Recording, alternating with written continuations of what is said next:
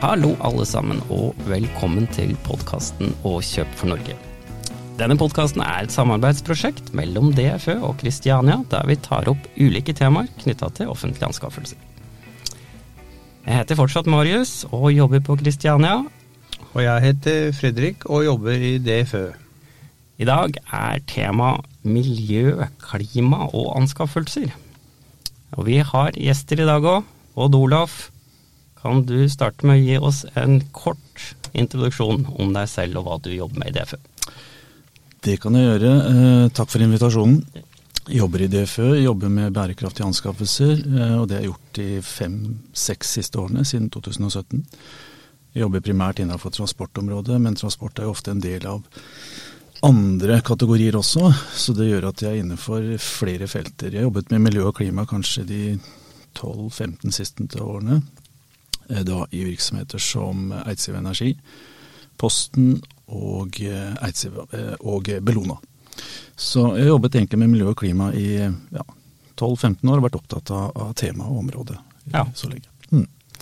Veldig bra.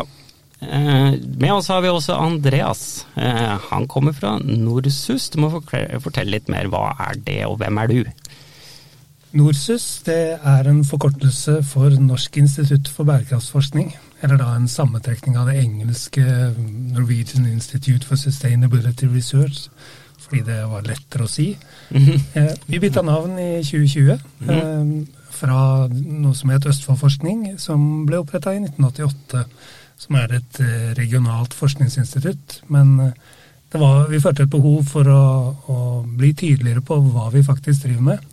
Og det har vært med Østfoldforskning, og da senere Norsus, siden 88, er en sånn produkt, produksjonsorientert miljøanalyse. Ja. Mm. Selv så er jeg forskningsleder der, dvs. Si jeg har ansvar for noen forskere, i tillegg til at jeg forsker selv. Og driver med prosjekter innenfor alle slags mulige områder. Jeg har en doktorgrad i økonomi om forholdet mellom økonomi og miljø. fra BI sånn litt tidligere på 2000-tallet. Og begynte på noe som het miljø med Nei, kjemiteknikk med miljøprofil i 1993. Ja. Så jeg har vært egentlig opptatt av miljø siden jeg, når jeg prøver å tidfeste det, så er det gjerne knytta til Tsjernobyl 86. At det er sånn, første sånn vekkeren for meg mm. miljømessig. Ja. Mm. Så bra. Eh, først kan dere fortelle litt om hva som er sammenhengen mellom klima, miljø og offentlige anskaffelser. Jeg kan starte litt. Eh, ja. og du Andreas, du sa jo at du hadde jobbet med økonomi og miljø og sammenhengen der, sånn, så jeg kan begynne med økonomien. Da. Det har du kanskje vært innom tidligere, men man bruker da røftlig 650 milliarder kroner i Norge på anskaffelser. Mm. Uh, og hvis de, de, kronene kan bli så grønne som mulig, da, så, så kan det bevege leverandørmarkedet og oss i en riktig retning. Så har man prøvd å se hvor stort fotavtrykk er det disse pengene utgjør. Uh, og den, det er en, en, eh, en forskningsartikkel fra Asplan Wiak som i 2016 beregna fotavtrykket til 16% av det totale CO2-avtrykket i Norge. Mm. Skåp 1, 2 og 3. Så da har vi et tall på, på CO2. Og så er det andre miljøaspekter også som helt åpenbart anskaffelser kan ha en innvirkning på. Så, så den har en stor impact, eh, og da må vi prøve å gjøre det så grønt og så riktig som mulig. Mm. 16% av det totale Utslippet. Det kan, kan hende jeg spør, jeg vet ikke så mye om det her, men hva er det totale? Ja, for nå tok jeg med, og nå uh, Totale som man ofte ser hos SSB, det er rundt 50 millioner tonn. Uh, mens når jeg tok med skåp 1, 2 og 3, så er det 70 millioner tonn. Altså det som skjer altså lenger ned i verdikjeden. Mm.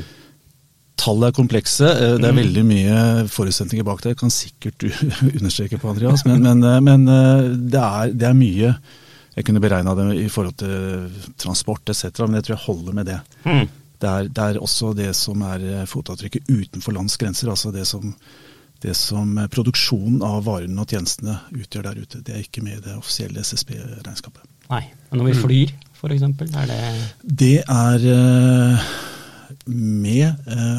Og så er det sånn at det er med, nå var jeg veldig teknisk, og Andreas du, er enda mer teknisk. Men Eh, innenlands så er det vel opp til 3000 meter høyde, og så er det alt over det. Og uten av landet, det er eh, utenfor, uh, utenfor vårt regnskap. Men nå ble vi veldig teknisk. Ja. Mm.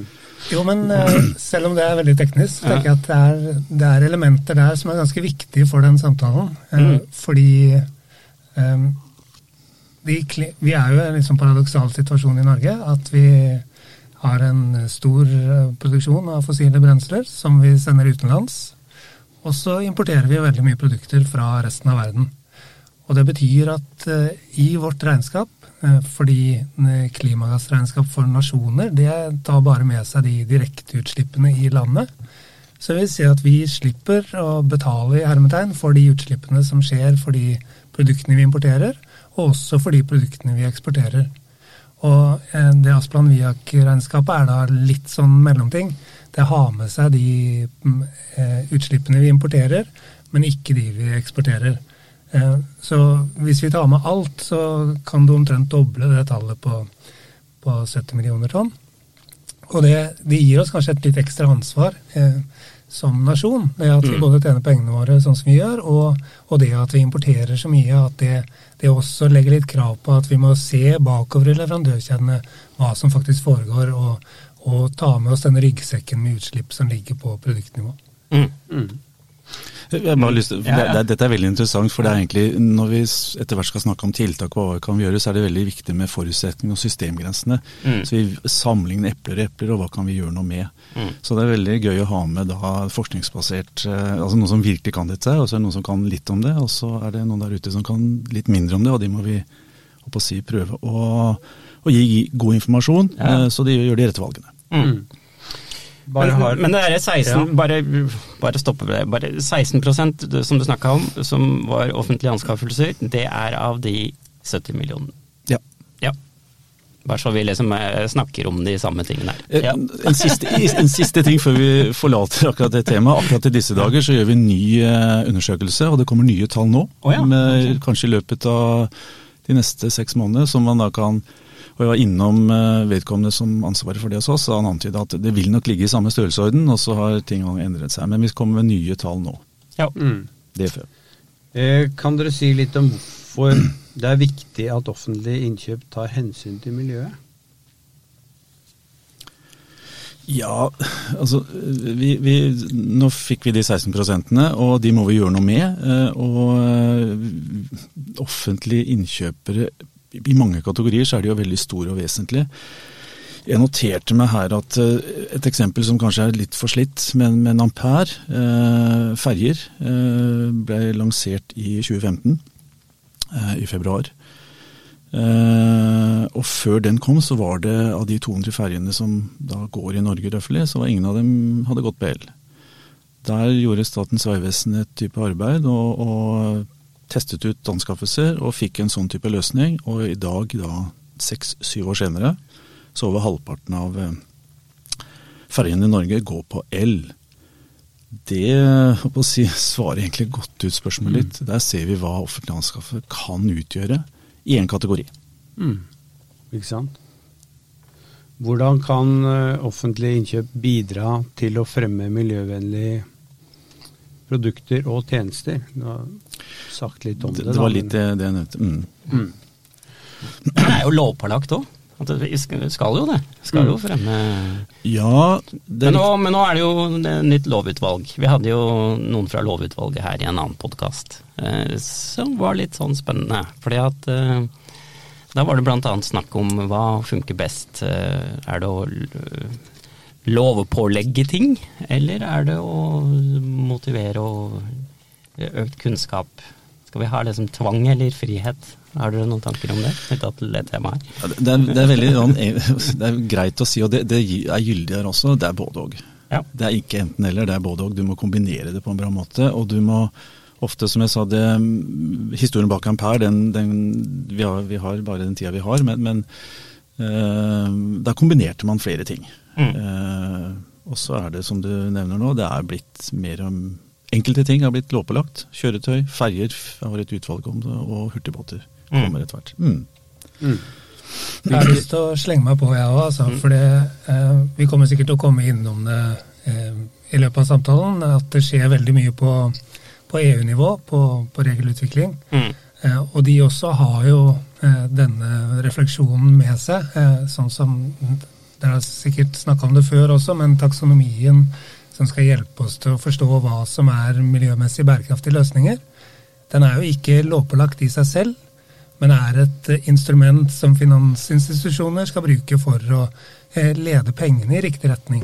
Mm. Og, men samtidig så har de mye regelverk som da er, er knytta opp mot det, sånn at man er sikker på at den informasjonen finnes. Og det, eh, Jeg tenker at det er viktig, og det som eh, Odd Olaf begynte med, den enorme summen som går til eh, offentlige anskaffelser, den mangedobles jo også hvis du ser hvordan det, de effektene er nedover i, i produksjonssystemene. Det at Norge som nasjon kan utvikle elektriske ferjer, gjør jo noe med hele verdensmarkedet for elektriske ferjer, og for alle leverandører mm. og det, de anskaffelsene de gjør. Så Offentlige anskaffelser er jo ikke isolert sett bare for offentlige, men de vil også ha effekt på hvordan private anskaffer, og at de, de følger opp. Ja. Mm. Det skaper et marked med andre ord. Nettopp. Og det, ja. her har jo norsk maritim industri har jo dratt nytte av det de har gjort der sånn, og skapt mm. arbeidsplasser. Ja. Eh, så det er liksom en del av det, det grønne skiftet. Mm. EUs green, green Deal, som, som da mm. Som også er knytta til innovasjon, da. Absolutt. Mm. absolutt. Mm. Men det er, eh, jeg tenkte på lov, bare tenkte på lovgreiene, så eh, tenkte jeg på det her med Det har vært en diskusjon knytta til det her med 30% vekting i eh, alle anskaffelser. Så det var vel det egentlig jeg tenkte på i forhold til det her med ok, skal vi liksom sette den streken? Uh, uh, og uh, ja, ja, er det det som funker best, liksom? Mm. Vi, vi, ga jo fra det før et svar på det, jeg skal ikke gjengi det. Men jeg, pleier, jeg, kan, jeg kan prøve med et eksempel. Jeg jobber jo mye med transport, jeg jobber, jobber med kjøretøy. Uh, du kan ha anskaffelser hvor du ikke bruker 30% miljøtildeling, men du ber bare om nullutslippsbiler. Mm. Du har null vekting av miljø. Mm.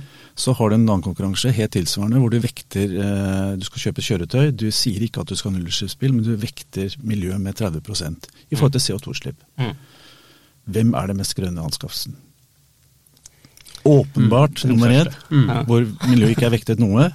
Så konteksten det brukes i i forhold til modenhet i markedet etc. er helt avgjørende. i forhold til Så i noen tilfeller ja, er det veldig bra å være streng på de 30 Andre kan det ikke være relevant. For du har kanskje et, et, et, en forskrift som ja. løser det hele. Mm. Men så krever, det krever da innkjøpere med kompetanse som evner å stille de riktige ja, det er et annet moment i forhold til å kreve 30 for det krever mye kompetanse både i konkurransegrunnlaget, fra leverandørene og i kontraktsoppfølgingen etc. Så det er mye mer ressurskrevende enn bare å be om jeg er sikker på at nullutslippskjøretøy er det beste løsningen. Jeg ber om det.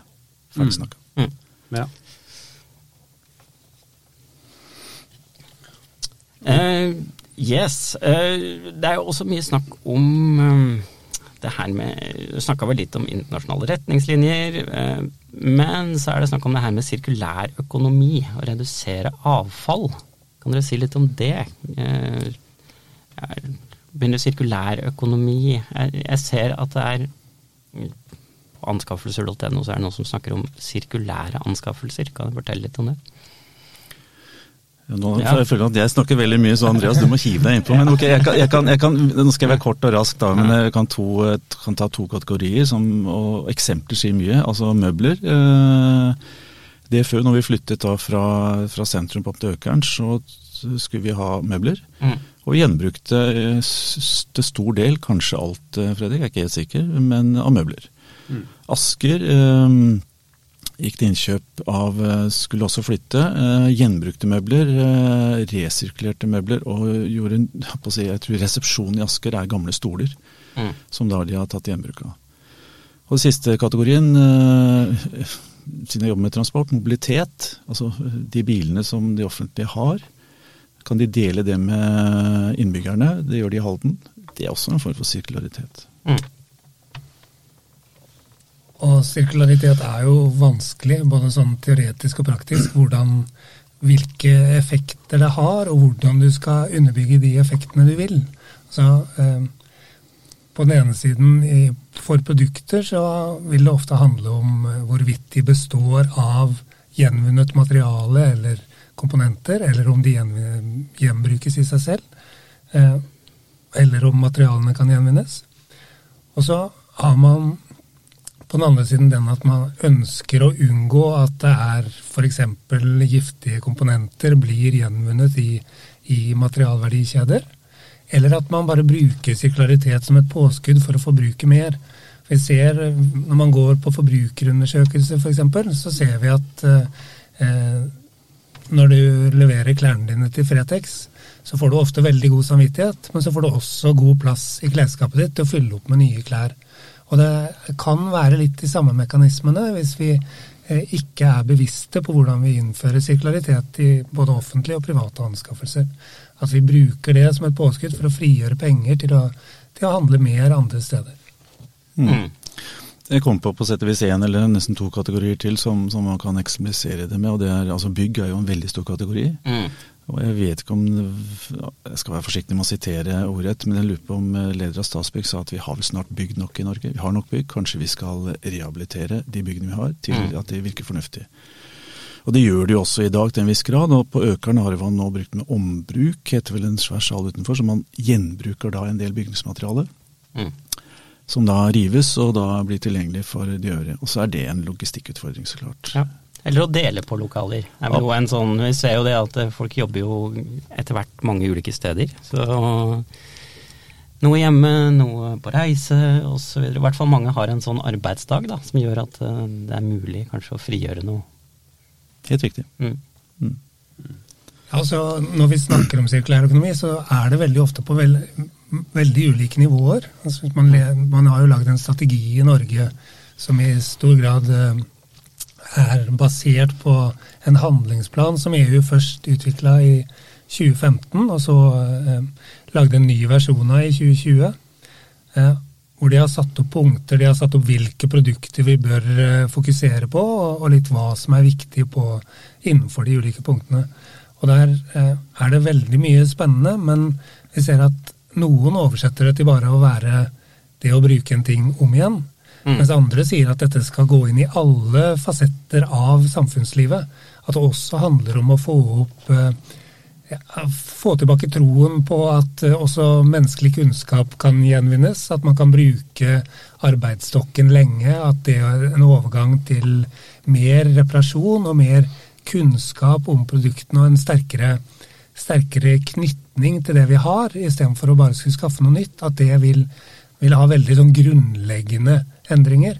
Eh, og det eh, tenker jeg er spennende i forhold til når man skal lage regelverk om offentlige anskaffelser, som veldig ofte tar liksom anskaffelsen for gitt i utgangspunktet. Ja, vi skal skaffe noe, mm. istedenfor at man begynner med den første refleksjonen. Hva er det? Hva, hva er hensikten? Hva, mm. vi, hva er behovet? Ja. mm. Mm. ja Lise, paradoks, den, altså, den grønneste anskaffelsen du kan gjøre, det er den du ikke gjør. Mm. Så det er litt en forkant at du jobber i forkant, og det er liksom et paradoks, da. Mm. Mm. Hvordan kan eh, miljømerker, miljøvaredeklarasjoner og miljøledelsessystem brukes i offentlige anskaffelser? Det kan forenkle innkjøpet til eh, den, den eh, enkelte anskaffer der ute. Og så sier jeg kan, fordi at det, det, det må ikke bli sånn at man ikke eh, sjekker hva er det egentlig tjenesten, produktet, eh, har av fotavtrykk, og, eh, og fokusere på å minimalisere det. Så mm, jeg vet at enkelte bruker det veldig aktivt, og er med i Svanens innkjøpsklubb og bruker altså sykehusinnkjøp. Tror jeg liksom har, har en veldig offensiv policy på det. Men, men, jeg sier at eh, man må da gjøre litt fotarbeide eh, for å se hva er det reelt sett eh, fotavtrykket til tjenesten produktet er. Sånn at det ikke blir en sovepute. Mm. Og så er det jo en jungel av merker. Mm. Det er veldig mye som finnes der ute som man kan fort gå seg vill.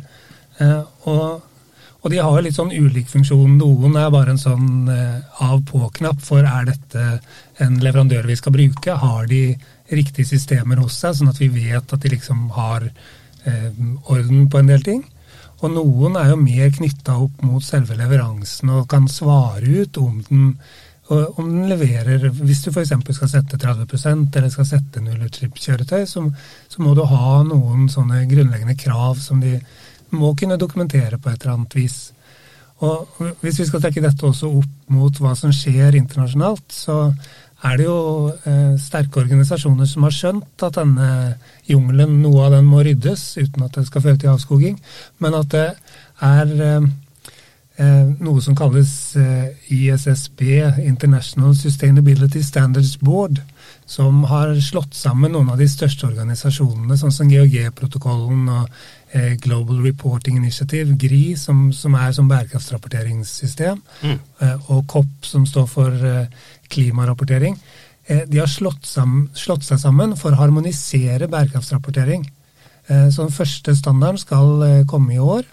Og så skal de komme med flere standarder. Og de også da skjeler til EUs arbeid, som er med på å definere hva bærekraft er, hva miljømessig bærekraft er spesielt. Og da, det gjør det litt enklere å orientere i det landskapet. Hjelper innkjøperne til å kunne sette ja, men da, da, vet vi at dette, har de dette miljømerket, så er det det det betyr. Mm. Det, for det kan være sånn Dere har kanskje hørt om FSC for skog eller MSC for eh, fisk. Men det er veldig sjelden når man ser det merket på et produkt, at man virkelig skjønner hva det betyr. Men der kan det, en sånn opprydning hjelpe oss litt med å si at ja, men da, da vet vi at dette gir lavere klimagassutslipp, eller det gir bedre vilkår for arbeidere et helt annet sted i verden. Det høres veldig bra ut, for det opplever jeg ofte er et, ja, en utfordring. At vi snakker om forskjellige ting. Bare, bare, når vi snakker om bærekraft, så legger folk ulike ting i det. Så det å begynne å snakke om de samme tingene mm. er jo uh, absolutt et steg på vei. Mm. Ja, det, i dag så vi, vi snakker om bærekraft, vi, men fokuset vårt er jo hovedsak på miljø- og klimafrågor. Men lite sosialt og lite økonomi, som er de to andre elementene hvis du deler opp bærekraft. I, ja da, i, i dag så snakker vi om miljø. Men jeg tenker liksom, når bare, jeg bare snakker med ulike typer mennesker, så legger de ja. ulike ting Noen snakker om bærekraft, ja det er miljø. Mens mm. andre snakker om det som, på samme måte som du sier, at det er tre forskjellige mm. deler. da. Mm. Mm. Men det å legge det samme i begrepene, det hjelper. Mm. Det og i målingene. ja. ja. det gjør det. Eh, men kan dere kommentere at forskrift om energi- og miljøkrav ved anskaffelse av kjøretøy er blitt strengere, samtidig som den er blitt enklere? Ja, Den kan jeg si noe om, for det, det, det, der satt jo vi uh, i det endringsarbeidet sammen med Statens vegvesen. Mm. Uh, og, og, Den forskriften hadde jo sitt utspring i Clean Vehicle Directive, så den kom jo litt fra EU. Og så har jo Norge vært sånn frontrunner på, på kjøretøysiden. Så Regelen nå, uh, den ble endret uh, den ble endret først i første i, i år, og den har hele tiden blitt skjerpa. Fordi at markedet har blitt mer og mer modent. Det finnes bedre og bedre utvalg både på personbil- og varebilsiden av elkjøretøy. Og da er det grunnlag for å skjerpe forskriften. Eh, så nå skal egentlig alle offentlige virksomheter eh, kjøpe nullutslipps både personbiler og varebiler, både tyngre og lettere. Og så var jeg inne og så her, og det er litt interessant eh, hittil i år. Og det heter skal? Ja, skal, ja. ja skal. og så, ja. Og så fins det nå en eh, Tidligere var det en dispensasjonsmulighet, mm. så politiet kunne, hadde unntak. Eh, for øvrig så kommer det jo en del uh, biler som også politiet bruker nå, som er, som er elektriske. Uh, men uh, tidligere så måtte man søke om dispensasjon hvis man skulle ha noe annet enn en elektrisk personbil. Statens vegvesen mottok svært begrensa søknader på dispensasjon. Nå har vi endret det fra dispensasjon til rapportering, så du bare melder inn hvorfor du har kjøpt en fossilbil og Det gir oss grunnlag for å se hva er det som er, hinder, er til hinder, eh, og så kan vi da kanskje komme med råd i forhold til tiltak. Eh, mm. Og Hittil i år så er det kjøpt inn 75% av alle person- og varebiler som er kjøpt inn, har vært uh, nullutslipp. Ja. Det er bra, syns jeg. Av offentlige, Det er de offentlige innkjøpene? Det er de offentlige innkjøpene, ja. Og mm. det er både person- og varebil. Ja. Mm. Eh, snakker liksom om samarbeid med leverandørmarkedet? Eller er det andre aktører òg som offentlige innkjøpere kan samarbeide med for å utvikle nye miljøvennlige løsninger? Ja, vi, vi kan gå tilbake til Ampere, og så hadde man en veldig god historie der. sånn. Man mm. samarbeida veldig tett med da, den maritime industrien. Og så kan jeg sende en pasning over bord til Andreas, altså akademia, i forhold til kunnskap. Helt åpenbart at man må liksom holde seg oppdatert. Mm. Ja, helt klart. Og det er jo Der er det jo et ganske godt utvikla virkemiddelapparat i Norge, knytta til både eh, Innovasjon Norge og Forskningsrådet. Og, og, det å få støtte for alt fra små forskningsprosjekter for å forstå hvor man eh, faktisk har et bidrag til eh, eh miljø, eh, det være seg om man er offentlig eller privat eh, aktør, til eh, svære innovasjonsprosjekter for å bringe ting fra, fra pilotskala ut i virkeligheten. Så jeg tror det som det som kalles trepartssamarbeid i forskningen mellom offentlige, private og akademia, er, er, veldig viktig for å kunne realisere sånne løsninger. Mm. Nå bare kommer jeg på et eksempel underveis her. sånn, Hvis jeg husker rett, Nye Veier. altså Man ble oppmerksom eh, i forhold til veiutbygging nå, eh, impacten av eh, myr. Og, og, ta i bruk mur, ikke sant. Og det, det og da, da Myr må du forklare. Myr, altså Eh, Andreas er kanskje vel så god på det som meg, men eh, myr binder jo mye CO2. Og å rive opp den og legge asfalt på toppen av det, det er ikke hensiktsmessig i forhold til CO2-utslipp. Og så er det hvordan du beregner det, da. Dybden av myra etc. etc. Og Det er ny kunnskap som kom eh, oss til kjenne for eh, to og tre år siden kanskje, og som gjorde at det kanskje man skal revurdere noen veiprosjekter fordi at man ser at regnestykket blir litt annerledes når man tar det med kalkulasjonen. Ja. Så det er liksom et eksempel på oi, dette visste vi ikke, nå vet vi litt mer, da må vi gjøre ting litt annerledes. Mm. Ja, vi holder på med et stort uh, prosjekt sammen med uh, Det heter Fornybar Norge nå, det het Energi Norge eh, fram til i fjor. Og sammen med seks nettselskaper, og det er jo de er jo private aktører, men akkurat elektrisitetsproduksjon og distribusjon er liksom i grenseland mellom det private og det offentlige. Og, og der eh, forsøker vi å, å, finne ut av akkurat det. Hvordan, eh, spesielt nå som man skal ha mer elektrifisering, hvordan bygger og vedlikeholder vi nett som gir best miljøprestasjon. Og, og da, eh, for å for gjøre det enda litt vanskeligere, det Odd Olaf tar opp, da, så er det jo det er mye myr og torv som skal, det skal bygges nett i. Men det er også sånn at vi må ta hensyn til andre naturverdier. Så biologisk mangfold, hvordan går det med eh, uglene som eh, hekker der? Eh, og har det noen konsekvenser for eh, avrenning i systemer, eh, giftighet ved eh, produksjon av komponenter? Så det er veldig mye ulike elementer som vi skal dra inn. Og det er jo litt av det som Hvis vi går tilbake til taksonomien, da, den stiller jo opp seks miljømål. Eh, du, hvor du skal bidra positivt til ett av de, uten å bidra negativt til de fem andre. Og det er to av de innen klima. Men så er det også om eh, biologisk mangfold, det er om forurensning av vann, eh, det er om generell forurensning, og det er om eh, sirkulærøkonomi. Så de seks skal spille sammen. Og det er litt eh, der jeg kommer fra, det å jobbe med livsløpsvurderinger, som handler om å se produkter gjennom hele livsløpet, eller produkter og tjenester så, så, er det akkurat det. Det å få forståelsen av hva skjer med dette produktet før det kommer til meg, og hva skjer med det etterpå. Eh, hva, hvilke konsekvenser har det for miljø og klima?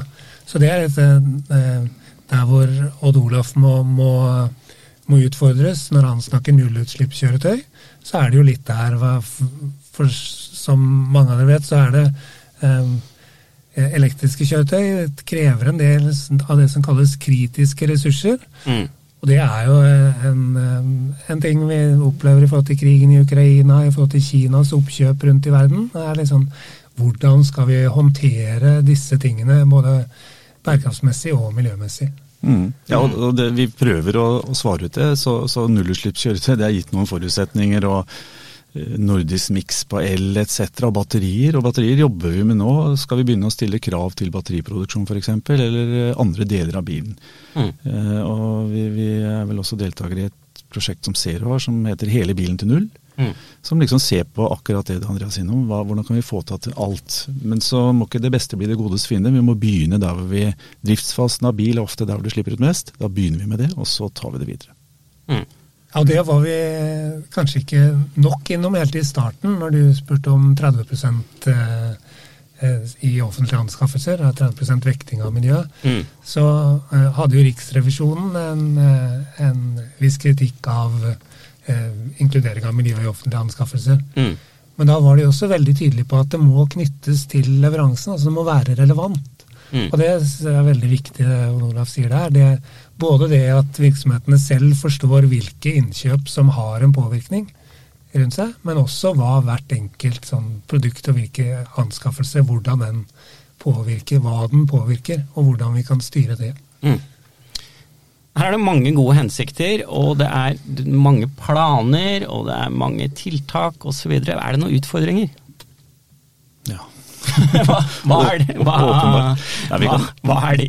vi, vi, kan gjøre det veldig eh, enkelt å si. altså Kompetanse, som vi sitter her og deler, det er, eh, det er helt uh, åpenbart at her kreves det mye kompetanse. og Der, der er jo DFØ en rolle å veilede og bidra så godt vi kan inn, inn i det, og akademia.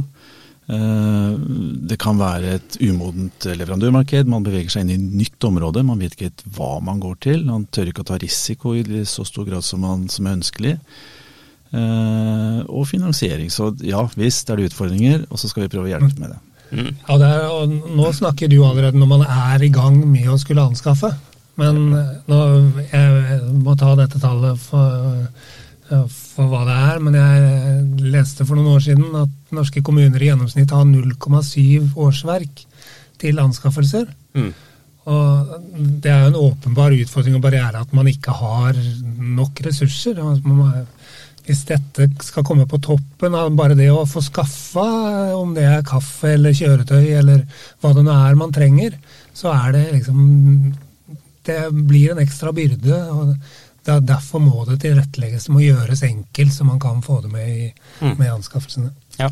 Nei, det, ofte, det, kan jo ofte være komplisert. Det er uh, mange ting å sette seg inn i. Og hvis du da har mange anskaffelser parallelt, f.eks., så ja, ja du, har, det, du, har vel erfart dette selv? Ja, du jeg har erfart det selv. Jeg, har vært, jeg skal kjøpe busser, blant annet. Så liksom, ja, euroklasser, hva og prøver liksom å sette seg inn i alt det her. Og hva er markedet egentlig, som du sier. ikke sant? Fordi at ja, vi vil jo gjerne stille krav til at det skal være så miljøvennlig som mulig, men hvis vi stiller for strenge krav, så får vi kanskje ikke noe tilbud. Ja, det er mange avveielser da, som uh, skal gjøres.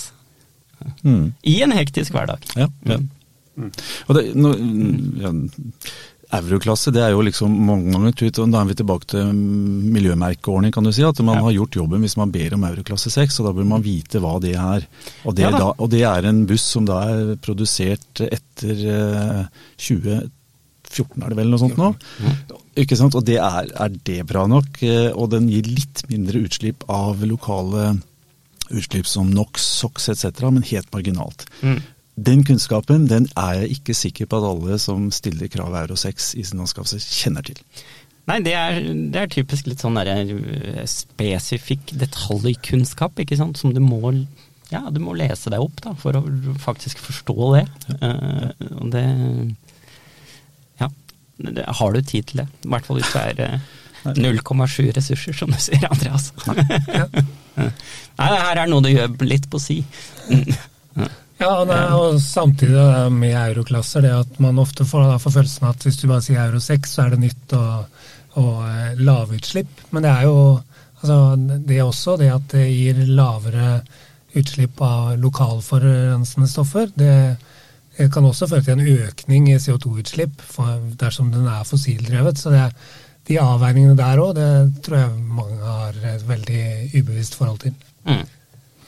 Uh, Andreas, ut, hvis jeg utfordrer deg da, på hva kan DFØ eller andre myndigheter gjøre for å styrke miljøvennlige offentlige innkjøp? Har du noen tips? Jeg syns det gjøres veldig god jobb eh, i våre dager. Altså tilrettelegges informasjon på, eh, på gode måter. Det er prosjekter som hjelper både store og små kommuner. Eh, og eh, så jeg, jeg, vet ikke om jeg skal hjelpe de til å gjøre akkurat den jobben.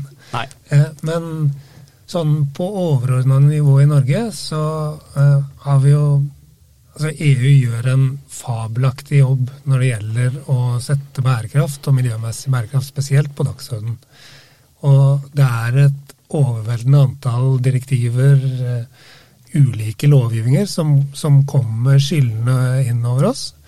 Og i Norge så har vi en sånn sektorinndelt eh, politikk som gjør at det er veldig vanskelig å skulle koordinere de, eh, alt det som kommer inn i å si at ja, vi skal ta hensyn til eh, de, det miljømerket der, og, og, også det direktivet om åpenhet og aktsomhetsvurderinger.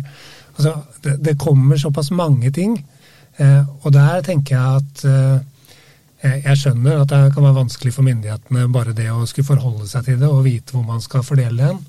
Men det kunne vært en idé å opprette en, en informasjonsenhet som hjelper med den oversettelsen av det som kommer fra EU, til eh, eh, informasjon for norske, spesielt små og mellomstore bedrifter og, og mindre kommuner, men også på et overordnet nivå. Mm. Mm. Mm. Og vi, vi DFØ prøver jo å få til det. Det siste eksempelet på det er at vi har, eh, vi har begynt å jobbe med vært innom det tidligere, batterier. Batteriforordningen kommer nå fra EU. Eh, blir kanskje signert i disse dager. Eh, så er det en tolvmånedersperiode før den trer i kraft i Norge. Og da har vi lagt den informasjonen ut på våre sider, at da kan dere forvente i 2024 at man ber om et batteripass for batterier som man kjøper i forbindelse f.eks. For kjøretøy eller andre ting. Mm. Eh, så vi oversetter på sett og vis dette igjen, for det er et dokument på hva var det for noe, 300-400 sider. Mm. Eh, så oversetter vi det eh, på sett og vis og gjør det forståelig for da den enkelte bruker der uke. Hva slags impact kan dette ha for deg nå i tiden fremover? Mm.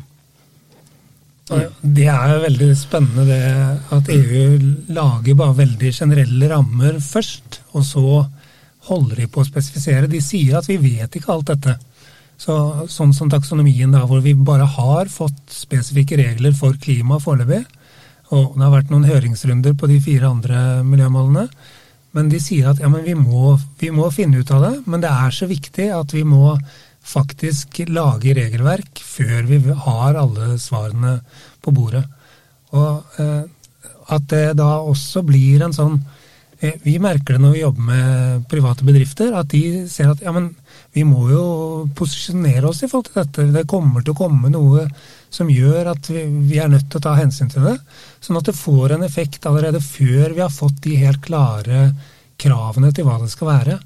Og det eh, Når du nevner sideantall på på batteridirektivet så er jo også taksonomien er liksom, det er 3000 siders dokumenter, så det er ingen som kan forvente at noen, en innkjøper eller en bedrift skal kunne lese det. Så det gjelder å ha noen sånne oversettelser av hva betyr det faktisk i det konkrete tilfellet. Mm. Mm. Skal eh, litt innom hva anskaffelsesundersøkelsen sier, for det at eh, den eh, undersøkelsen fra 22, fra 2022, eh, der er det flere virksomheter som oppgir å ikke ha tilstrekkelig med tid og budsjettmidler til å planlegge og gjennomføre anskaffelser med klima- og miljøhensyn. Det er jo kanskje litt uh, i forhold til det 0,7 som nevnte i sted. Er det for dyrt og for tidkrevende å gjennomføre slike anskaffelser? Både ja og nei. Ehm, for en liten kommune. Altså, du, du, du må finne ditt rette nivå da, i forhold til hva, hva har du ressurser til, og hva kan du klare å oppnå. Um, du har jo noen frontrunners som har bra med ressurser, og som gjør saker og ting. Eh, Oslo kommune går foran og setter krav og, og kan følge opp kontrakter på en helt annen måte enn uh, Tolga kommune i øverste Østerdalen eller slikt. Uh, og da, da, må man se til uh, de som går foran, uh, og se om man kan plukke opp de eksemplene og, og la de på si ta støyten først. Og så må man finne rette nivå. så det blir sånt, ja. Og, men, men, åpenbart, det er begrensa med ressurser der ute, og da blir det veldig viktig å prioritere. Hva er det vi kan oppnå lokalt hos oss. Mm. Og så handler det kanskje om samarbeid. Jeg mm. var akkurat holdt et innlegg på Eh, en eh, sånn heldagsworkshop på Jæren, hvor eh, en del små kommuner har slått seg sammen når det gjelder akkurat det her. Har fått midler, klimasatsmidler til å forstå hvordan de skal implementere bærekraft i, i sine anskaffelser. Så jeg tenker det å, å, snakke på tvers av kommuner, så er det selvfølgelig alltid noen ting som kan være problematiske i forhold til hvor, hvem som skal gjøre hvilke innkjøp. Men at, at samarbeid om det, om utveksling av kompetansen og, og det man har gjort, det tror jeg er helt essensielt. Mm. Den samme undersøkelsen viser også at få virksomheter opplever å oppnå gode resultater når det gjelder reduksjon av klima- og miljøbelastning i sine anskaffelser. Er det for vanskelig å oppnå resultater, eller er det noe virksomhetene gjør feil? Jeg har nesten lyst til å sitere Vi intervjuet eh, Nam Andreas innom eh, samarbeid. Vi var akkurat i Florø. Eh, innkjøpssamarbeid der i, i Møre og Romsdal. 16 kommuner. Og det ble sagt da fra noen av deltakerne at nei, men ikke begynn med det vanskeligste, da. Begynn med det letteste. Eh, og så får man øke, øker man kompetansen i forhold til det, og så, og så, får man til saker og ting. Det enkelte som kanskje problematiserer og skal begynne, og skal den helt optimale løsningen, sjekke ut alle miljøaspektene. Jeg tror man skal begynne, altså finne et riktig ambisjonsnivå. Eh, hvor har vi størst impact, og begynne der og få litt selvtillit og, og inspirasjon ut fra det. Mm. Og så ta det videre derfra. Men det, men det er noen ganger det er politisk òg? Ja. Eh, hvis du snakker om kommuner, da, så er de i kommunestyret, og så sier de at å, nå skal vi satse. Så har de veldig høye ambisjoner, men veldig få ressurser på innkjøp. Ja. Vi har et, jeg kan ta det først, Andreas, det, men, men, men, jeg har et eksempel hvor det har lykkes bra. Eh, og det var ja, tilbake til eh, til uh, Møre og Romsdal, hvor man hadde ambisjon om, eh, om nullutslippskjøretøy. Og, og, når vi ser på hva de har kjøpt hittil og hva de har oppnådd, så er den, den jobben sjekk. Mm. De er såpass bra nå at de få fossile bilene de kjøper. Og der hadde de satt et ambisjonsnivå. De hadde for øvrig fått inspirasjon fra Hamar kommune, som hadde gjort det tidligere, så der har det samarbeid å lære andre eh, kommer inn.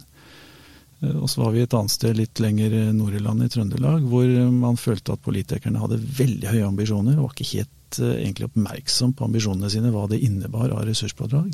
Og man følte en viss frustrasjon, mm. for man klarte ikke å levere på det, på det politikerne ønsket. Og Da må man ta en ny prat med dem og kanskje si skal vi få mer ressurser, skal dere senke ambisjonsnivået noe, eller liksom hvordan håndterer vi det. Mm.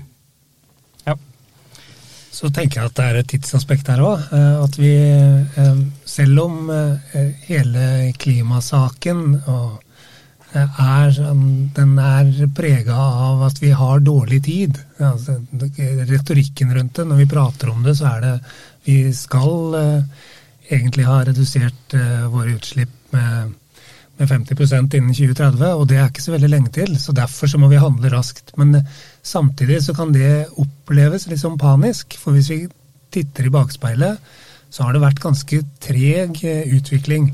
Fra når jeg sier at jeg ble interessert i miljøet på midten av 80-tallet, eh, så visste vi ikke da Da var liksom ikke klimaendringer etablert som, som en vitenskapelig sannhet. Eh, klimaendringer var etablert, men ikke menneskeskapte i så stor grad som det vi så etter at James Hansen sto foran Senatet i 1989 og sa at nå må vi gjøre noe, og, og, det, og den tida som har gått etter det. Og det er egentlig først på 2000-tallet at det virkelig har, har, satt fart. Og nå vi begynner å få gode instrumenter for å faktisk måle hva vi gjør, og gode eksempler på hva vi kan gjøre for å for å gi bedre klima- og miljøprestasjon.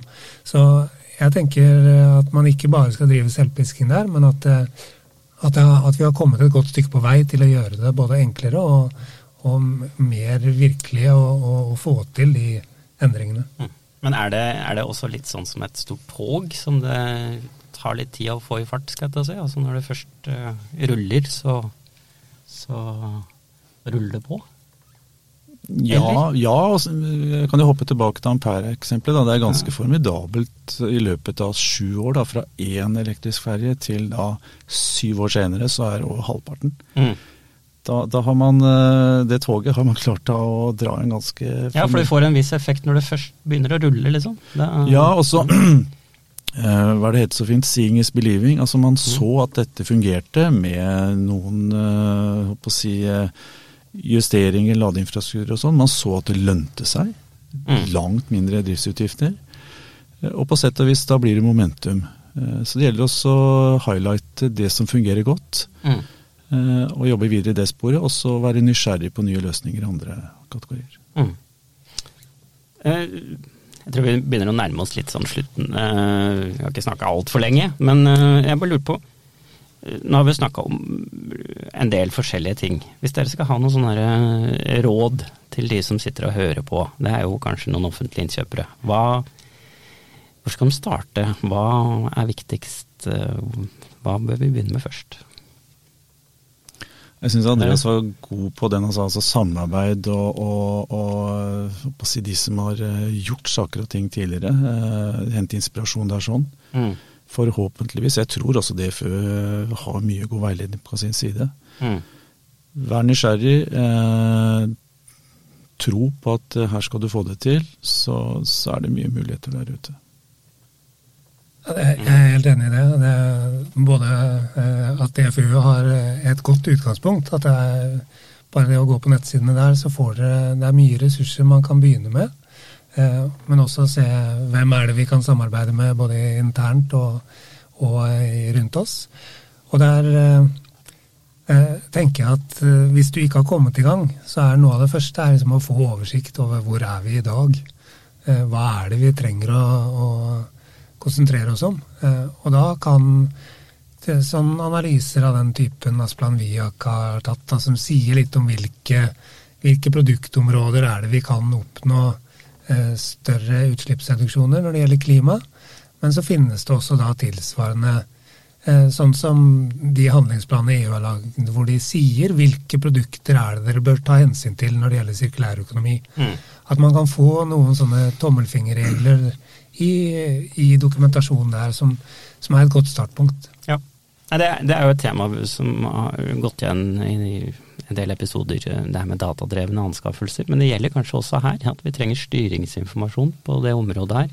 Mm. Litt sånn for å vite hvor er vi, eh, og hva bør vi prioritere først. Eh, er dere er enig i det? jeg, kan legge til raskt, for eh, vi, vi, dette er jo et landskap vi også beveger oss inn i DFØ. Og vi har utvikler og driver og utvikler fortsatt et klimaspent verktøy. Ja. som tar ned mm, tallene fra, fra Asplan Viak på virksomhetsnivå. Eh, og Så er det et faktorsett bak og mange ulike forutsetninger for det. Men man kan, man kan, få et grovt bilde av hvor er det våre anskaffelser har mest, eh, størst fotavtrykk eh, når det gjelder CO2. Eh, og det er tilgjengelig. Ja. Så igjen, men igjen, det utvikles stadig vekk med ny kunnskap eh, etc. Men, men eh, ja, vi, vi, prøver å bidra på den fronten nå. Mm. Og med fare for å bli for teknisk igjen, da, men eh, et, en, et, ankepunkt ved Asplan Viak sitt, eh, sitt, verktøy er at det er veldig grove kategorier. Er, utgangspunktet er at de ser på hvordan økonomiske strømmer går fra én sektor til en annen, og så har man eh, utslippsnivåer for de ulike sektorene. Så man ser hvordan de pengestrømmene går, så, så får man et utslipp for en sektor. Eh, det betyr at medisinsk sektor kan være alt fra et eh, veldig innovativt medikament til eh, et eh, ja, bekken i papp, eh, som er liksom veldig ulike produkter med veldig ulikt klimagassutslipp. Og så er det ikke sikkert at det er produktet i den sektoren som er det viktigste. Så jeg tenker eh, det å faktisk sette seg ned og, og, prøve å finne ut av hvordan vi kan løse et problem, sånn som mye av utslippene hvis vi skal snakke helsesektor, handler om eh, mat. Fordi vi må spise, og de som er på sykehus må spise. Og veldig mye av den maten, den kastes. Og der har man sett rundt omkring i verden. Nederland har hatt et stort eh, forsøk på det å faktisk kunne bestille mat på sykehus. Og det, er, uh, det har ført til veldig mye lavere eh, matsvinn. Og, og, og, redusert klimagassutslippene fra helsesektoren i, i en del byer i Nederland ganske mye. Og sånne ting, det å prøve å se de tingene i sammenheng, hvordan kan vi løse eh, et problem i en sektor ved å, ved å, tenke litt annerledes, det tror jeg kan gi ganske store eh, resultater. Ok dere, da tror jeg vi må avslutte for i dag. Det har vært uh, veldig spennende å ha med uh, dere to i studio. Så um, da tror jeg rett og slett at vi sier uh, at vi høres igjen her på Å kjøpe for Norge. Takk for nå. Takk for nå. Ha det bra. Takk skal du ha. Det.